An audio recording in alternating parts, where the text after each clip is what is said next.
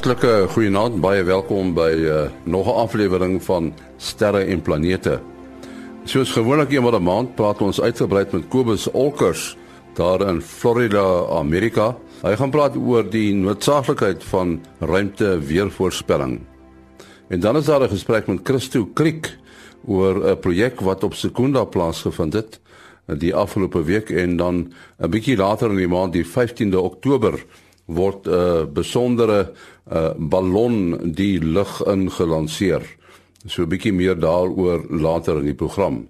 Maar nou eers ruimtenis wat geskryf is deur Herman Turin in Bloemfontein. Die Rosetta-tuig van die Europese Ruimteagentskap het sy sending na bykans 'n jaar wat dit om 'n komeet gewentel het, beëindig deur teen die komeet te bots. Die kon soos dit sy einde nader skouspelagtige fotos van die komeet 67P Churyumov-Gerasimenko neem. Dit het Rosetta so wat 'n dekade nadat dit in 2004 gelanseer is geneem om die komeet te bereik. Waarna dit in 'n wentelbaan daarom gegaan en die komeet op sy reis om die son vergesel het. Die landingstuig Philae se landing op die komeet was nie baie suksesvol nie en min data oor die oppervlak kon versend word.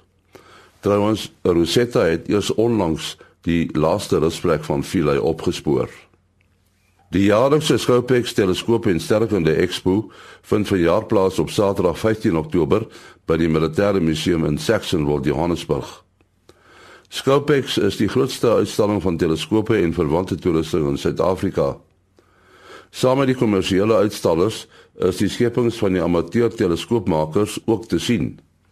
Daar is ook 'n uitstalling van die astrofotografie kompetisie en demonstrasies wat wissel van robotika tot ontploffings deur Experilab asook die afvuur van 'n vuurpyl motor. 'n Kamera van R20000 kan gewen word.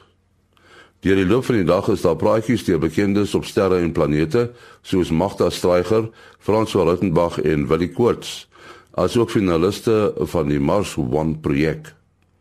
Daar is vanjaar twee internasionale sprekers, een uit Amerika en een uit Frankryk wat spesiale praatjies kom lewer. Scopex duur van 9 uur die oggend tot 9 uur die aand en dit is dan op Saterdag 15 Oktober. Tot sover dan ruimtenis wat is hy vir Herman Turin in Bloemfontein. Nou ja, ons gesels vanaand weer met Kobus Olkers daar in Florida, Amerika. Nou uh oor Kobus as ons praat van Florida en daai dele van die wêreld, dan uh, uh spring die naam Matthew nogal vinnig uit net. Het julle las gehad van Matthew? Ons het so 'n bietjie van 'n fris briesie gehad hier by hier, by ons hier so by die 50 myle uur of so.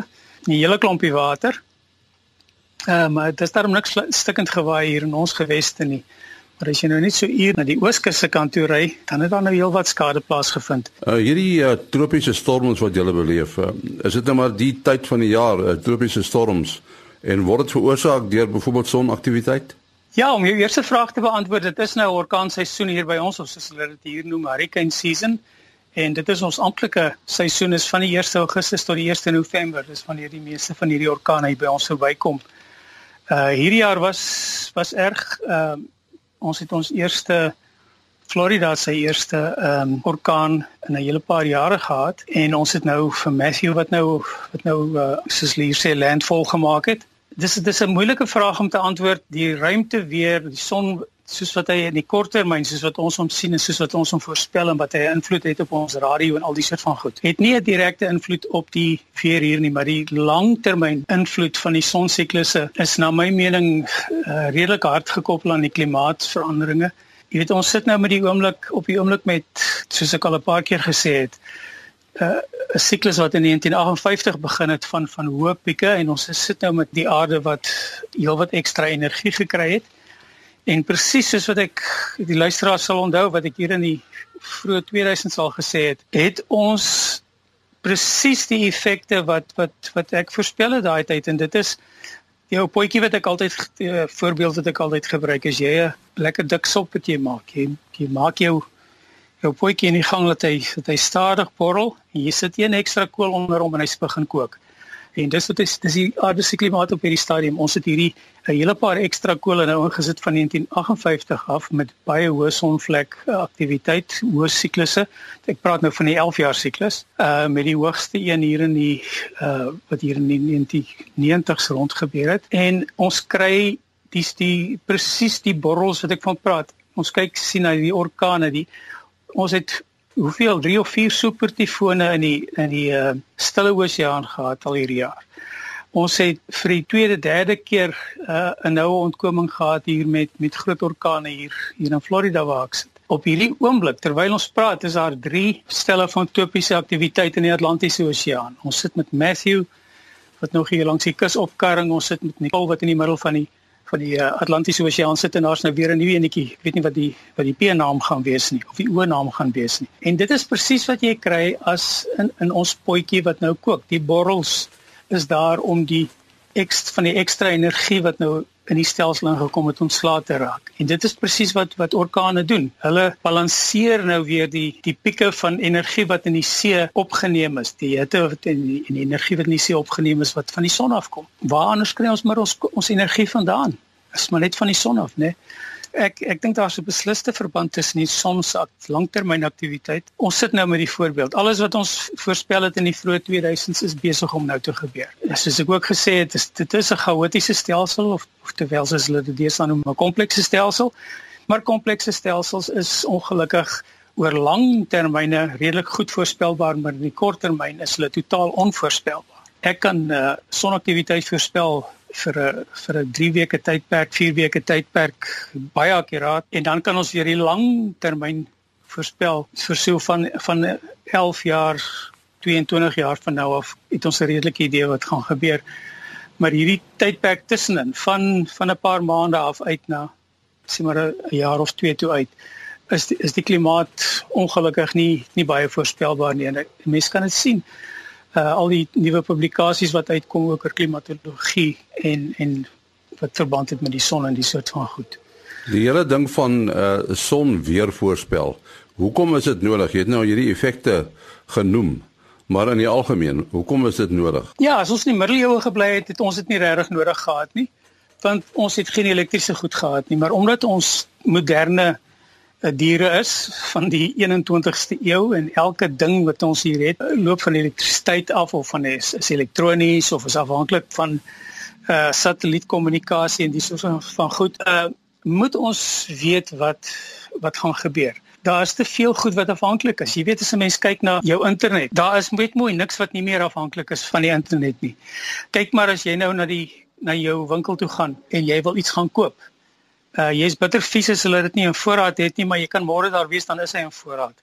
Al ons supermarkte en groot verskaffers en nie net supermarkte nie, maar omtrent alles wat ons verbruik, uh kry ons met hierdie wat hulle noem just in time delivery. Dit is goed wat vir die logistiese mense beplan sodat van die oomblik wat 'n ding gemaak word tot die tot die oomblik wat hy op op jou supermark se rak verskyn is fyn beplan voor die tyd. Elkeen van daai goed, elkeen van hierdie logistiese stappe het jy nodig. Anders gaan jy of met 'n met opbergingsprobleem sit eers of jy gaan vir 'n langtermyn met min goed sit. So hierdie goed word by die sekonde, by die minuut gevolg met met elektroniese goed via die internet.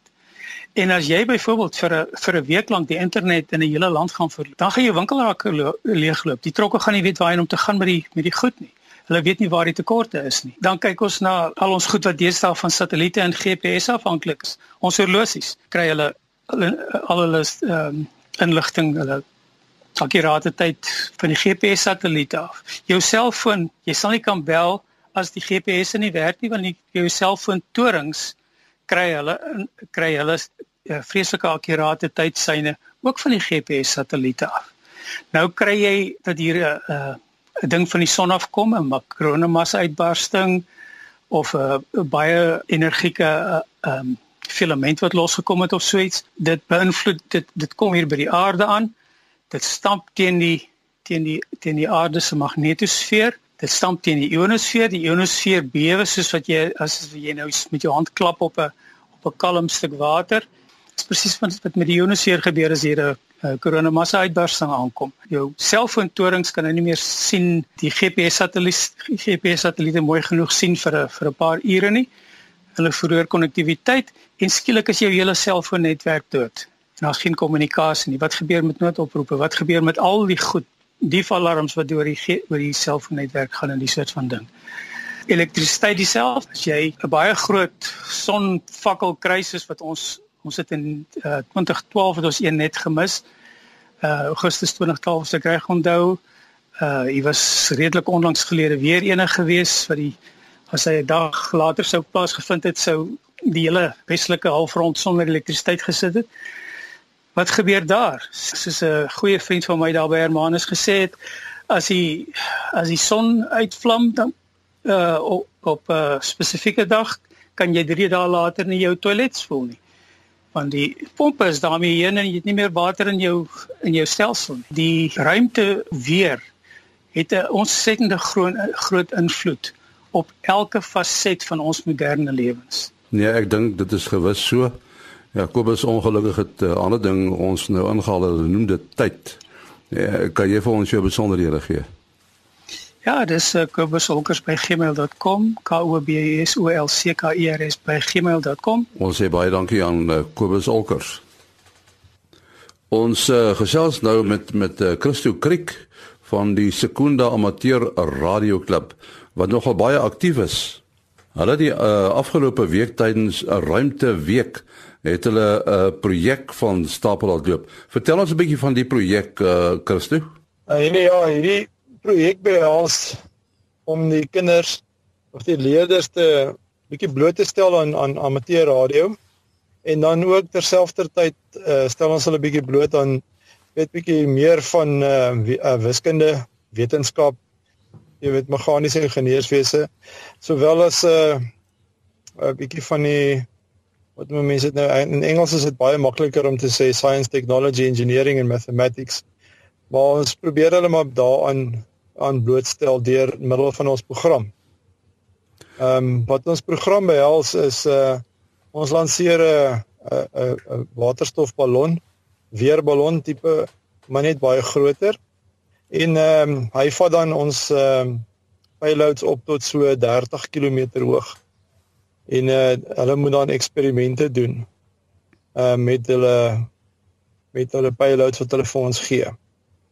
Maar hierdie sogenaamde payloads of loonvrag wat die eintlike woord is, uh, is dit goed wat hulle uh, bou self saamstel? Ja, en ons is gelukkig hierso om vir Willie Talier te hê. Hy het vir ons 'n uh, so loonvrag rekenaar mikroprosesseerder ehm um, stroombane uitgelê en uh, dan bou die kinders dit self. Uh, hulle moet self die soldeerwerk doen. En in hierdie week wat verby is, het hulle dan nou geleer om van basiese beginsels af te soldeer en dan die loonvrag te soldeer wat die mikroprosesseerder in het sodat hulle twee temperatuursensors sowel as 'n ligintensiteitssensor se lesings kan vat en dan uh, op interne geheue kan stoor. Um ons noem dit die uh, Wizard Block Tower of net die WBT mikroprosesseerder wat hy geontwerp het. Ons het maar gebaseer op die CubeSat beginsels waar jy 'n uh, 'n moederbord het wat die mikroprosesseerder op het sowel as 'n bord wat jou sensors op het en sowel as 'n bord wat jou uh, jou kragvoorsien voorsieningsbord is. En uh die batterye moes hulle ook self gekies het. Uh die tipe battery sodat hy lank genoeg kan hou en om by die temperatuur en uh goeders wat in die ruimte is of naby ruimte. Ons gaan na die naby ruimte om daar te kan uh, kan werk. So hulle moet 'n bietjie gaan dink en bietjie navorsing gedoen het ook. Uh hierdie eksperimente is daar genoeg plek vir al die eksperimente op uh op hierdie weerballon. En ja, ons weerballon kan 'n redelike 'n loonvrag vat. Ehm uh, wat ons ook op het is uh om alles te beheer van ons kant af. Dan is ook 'n shuttle ek weet nou nie wat noem mense dit in mooi Afrikaans nie, maar uh die shuttle beheer dan die die vlug vir ons waar ons programmeer die dit so dat dit nie te ver vlieg nie. As dit verder as Ermelo gaan byvoorbeeld, dan sal ons die ballon loslaat en met 'n valskerm die goeders laat afkom. En uh indien hy hoër gaan dan sal hy net sal die ballon net bars. Ons is veral gestel daarop dat hy nie te ver weg gaan van ons af nie, want ons wil ons uh, loonvragte weer terugkry sodat ons die kinders die geleentheid kan gee om dan nou die die data wat hulle versamel het te kan interpreteer en weer in 'n verslag vir ons terug te terug te gee. En dit is waar ons die loop toemaak om hulle dan nou te leer. Ehm um, jy beplan jou eksperiment, jy voer hom uit en dan kyk jy na die resultate. So ons probeer daai by hulle bykry. En hoeveel kinders neem deel aan die projek? Hier staan se so ehm um, so twee skole wat deelneem uh aan die projek. Daar's op die oomblik so 11 wat ons deur hierdie proses vat. En ehm um, dis nogal intensief want hulle begin by die heel basiese beginsels van van uh, elektronika en daarna gaan ons oor na die basiese programmering. Ons gebruik die PicX uh programmering wat in Basic werk. So dit is dis dis 'n heel stywe stywe ding waardeur hulle gaan. Maar ek dink hierdie jaar gaan dit baie baie lekker wees want ons gaan die die loonvragte weer terugkry Ehm um, en ons leer hulle ook die uh, basiese beginsels van amateur radio. Dit is nogal belangrik en hulle skryf 'n toets daaroor aan die einde van die week. Uh net om hulle weer daaraan bloot te stel want ons word nogal ge deur die Suid-Afrikaanse Radio Liga ondersteun ons ook redelik baie in hierdie inisiatief en ehm um, wat? Die ouens wat die gas voorsien die, die waterstof. Ons het daar ook ouens wat ons help daarmee van Afrox se kant af. So hulle doen almal sulke voorleggings en ehm um, presentations aan die kinders tydens hierdie week om hulle bloot te stel aan hoe gebruik ons gas in die in die ruimte. En ehm um, die ouens van die SARL hulle weer ons bring daai gedeelte in van die van die radio amateur want ons het ehm um, wat ons noem ons ons IPRS trekkers op die ding en die hele land se mense sal dit dan nou ehm um, kan gebruik as ons die vlug doen uh die 15de. Hoekom het hulle juist die uh die waterstofballon gekies vir die projek? En nee, ek dink dit is vir ons baie makliker om daarmee te werk as om uh ons het gekyk na twee goeders, die waterstofballon en uh, en dan vuurpyle. Nou in Suid-Afrika is die vuurpyle nie baie groot nie. En is nogal 'n duur storie ook om 'n vuurpyl te maak om ehm um, 200 of 300 meter in lug op te gaan. En as ons kyk die hele die hele program waarop ons gebaseer is is om in die naby ruimte te kom. Ons gebruik die CubeSat ehm uh, formaat so hulle loonvragte mag ook nie groter wees as ehm um, 100 mm by 100 by 100 mm nie. Mag nie swaarder wees as 500 gram nie. Ons gaan hulle het 'n hele toetsprogram waardeur hulle gaan. So om al daai goeders binne in 'n vuurpyl te bou, ek dink nie ons daar's 'n klassifikasie wat ons kan gebruik hier nie. En ons wil graag so hoog as moontlik gaan. En ehm um, so dit maak dit net baie makliker. Die ander ding is helium is baie duur. Ons kan dit nie bekostig nie en dit is 'n dis maar skaars kommoditeit. Dit is hoekom ons maar vir die waterstof gegaan het. En dit is redelik veilig ook as jy dit reg doen. En uh, die die hoogte wat hy uiteindelik gaan bereik of hopelik gaan bereik, hoe bepaal julle dit? Hoekom juist daai spesifieke hoogte? Daar's ons 'n paar interessante goed wat gebeur. Ehm um, sover ek kon oplees en verstaan, uh hier bo kan 15 km is daar een of ander laag wat ons beskerm teen ekstrale. So ons wil graag deur daai laag gaan want vorentoe wil ons instrumentasie opsit wat ehm um, vir ons bietjie meer kan kan meet van die van van die ekstrale wat daar is. Ons het byvoorbeeld ehm um, 'n Geiger tube wat ons kan saamvlieg. Uh ek gaan nou nie hierdie jaar saam nie want ons wil hom eers voorberei vir vir volgende jaar. So ons wil 'n bietjie van daai daai ander tipe lesings wat 'n mens nou nie hier kan vat terwyl jy op die grond is nie. Wat jy moet vat as jy buitekant daai potsurf 'n uh, skermlaag is wat ons kan beskerm. En dan ook die hoogte ehm um, niemand hier op die grond hier by ons is besef hoe hoog 30 km reg is nie. Uh as jy vat die Boeings en daai goeder vlieg hierso by 10, 11 km hoog. So dit is baie hoog. Die druk is baie laag. Dis die naaste wat ons kan kom aan aan uh aan ruimte toestande is daarbo uh hier bo kan 30 km en dit is hoekom ons probeer om definitief bo 30 te gaan en definitief bo 15. Ons sal graag ons en ons is besig om alles op te stel om ten minste 33 km hoog te gaan met ons vlug uh, op die 15de. En uh, gaan die weer 'n rol speel of maak dit nie saak nie? Ja, nee, die weer is nogal 'n groot ding. Ons het net nie genoeg tyd om met die kinders dit ook te behandel nie, maar as 'n mens kyk na die jet streams wat daar is, dit die die vlugpatroon van die ballon is baie interessant. Hier van uh, 10000 meter af, daar hier van 8000 meter af, dan is daar 'n baie sterk ehm uh, van wes na oos 'n uh, jet stream. Ehm um, ons het ballon verlede jaar tot en met 160 km/h beweeg. En dan uh, as hy weer hier by 15 16000 km kom, dan verander die rigting van daai jet stream en hy kom weer van uh oos na wes terug. En dan uh soos ons nou as hy nou weer bars, dan kom hy nou weer af deur daai jet stream. So dis 'n baie interessante vlugpatroon wat 'n mens het om die ballon te volg. Ons het 3 jaar natuurlik 'n uh, hele paar uh trekkers op. Ons het een van daai spot satelliettrekkers op want ons moet seker maak ons kry die goeders terug dan ons die die APRS trekker ons het 'n selfoon uh tipe trekker en dan het ons ehm um, nog 'n GPS wat ons koppel op RTTI radiotelemetrie wat ook vir ons uitsaai ehm um, sodat ons dit kan terugkry en ons het 'n morsekode uh trekker ook op sodat daar ten minste van vyf verskillende tegnologieë en bronne vir ons kan inligting stuur van waar die loonvragte op die stadium is. Nou ja, dit was dan uh, Christo Kriek baie entoesiasties en hy het gepraat oor uh, die interessante projek wat die afgelope week eintlik uh, aan die gang was, maar uh, ook 'n bietjie later uh, wanneer hierdie bakkar weerballon eintlik opgestuur gaan word op die 15de Oktober.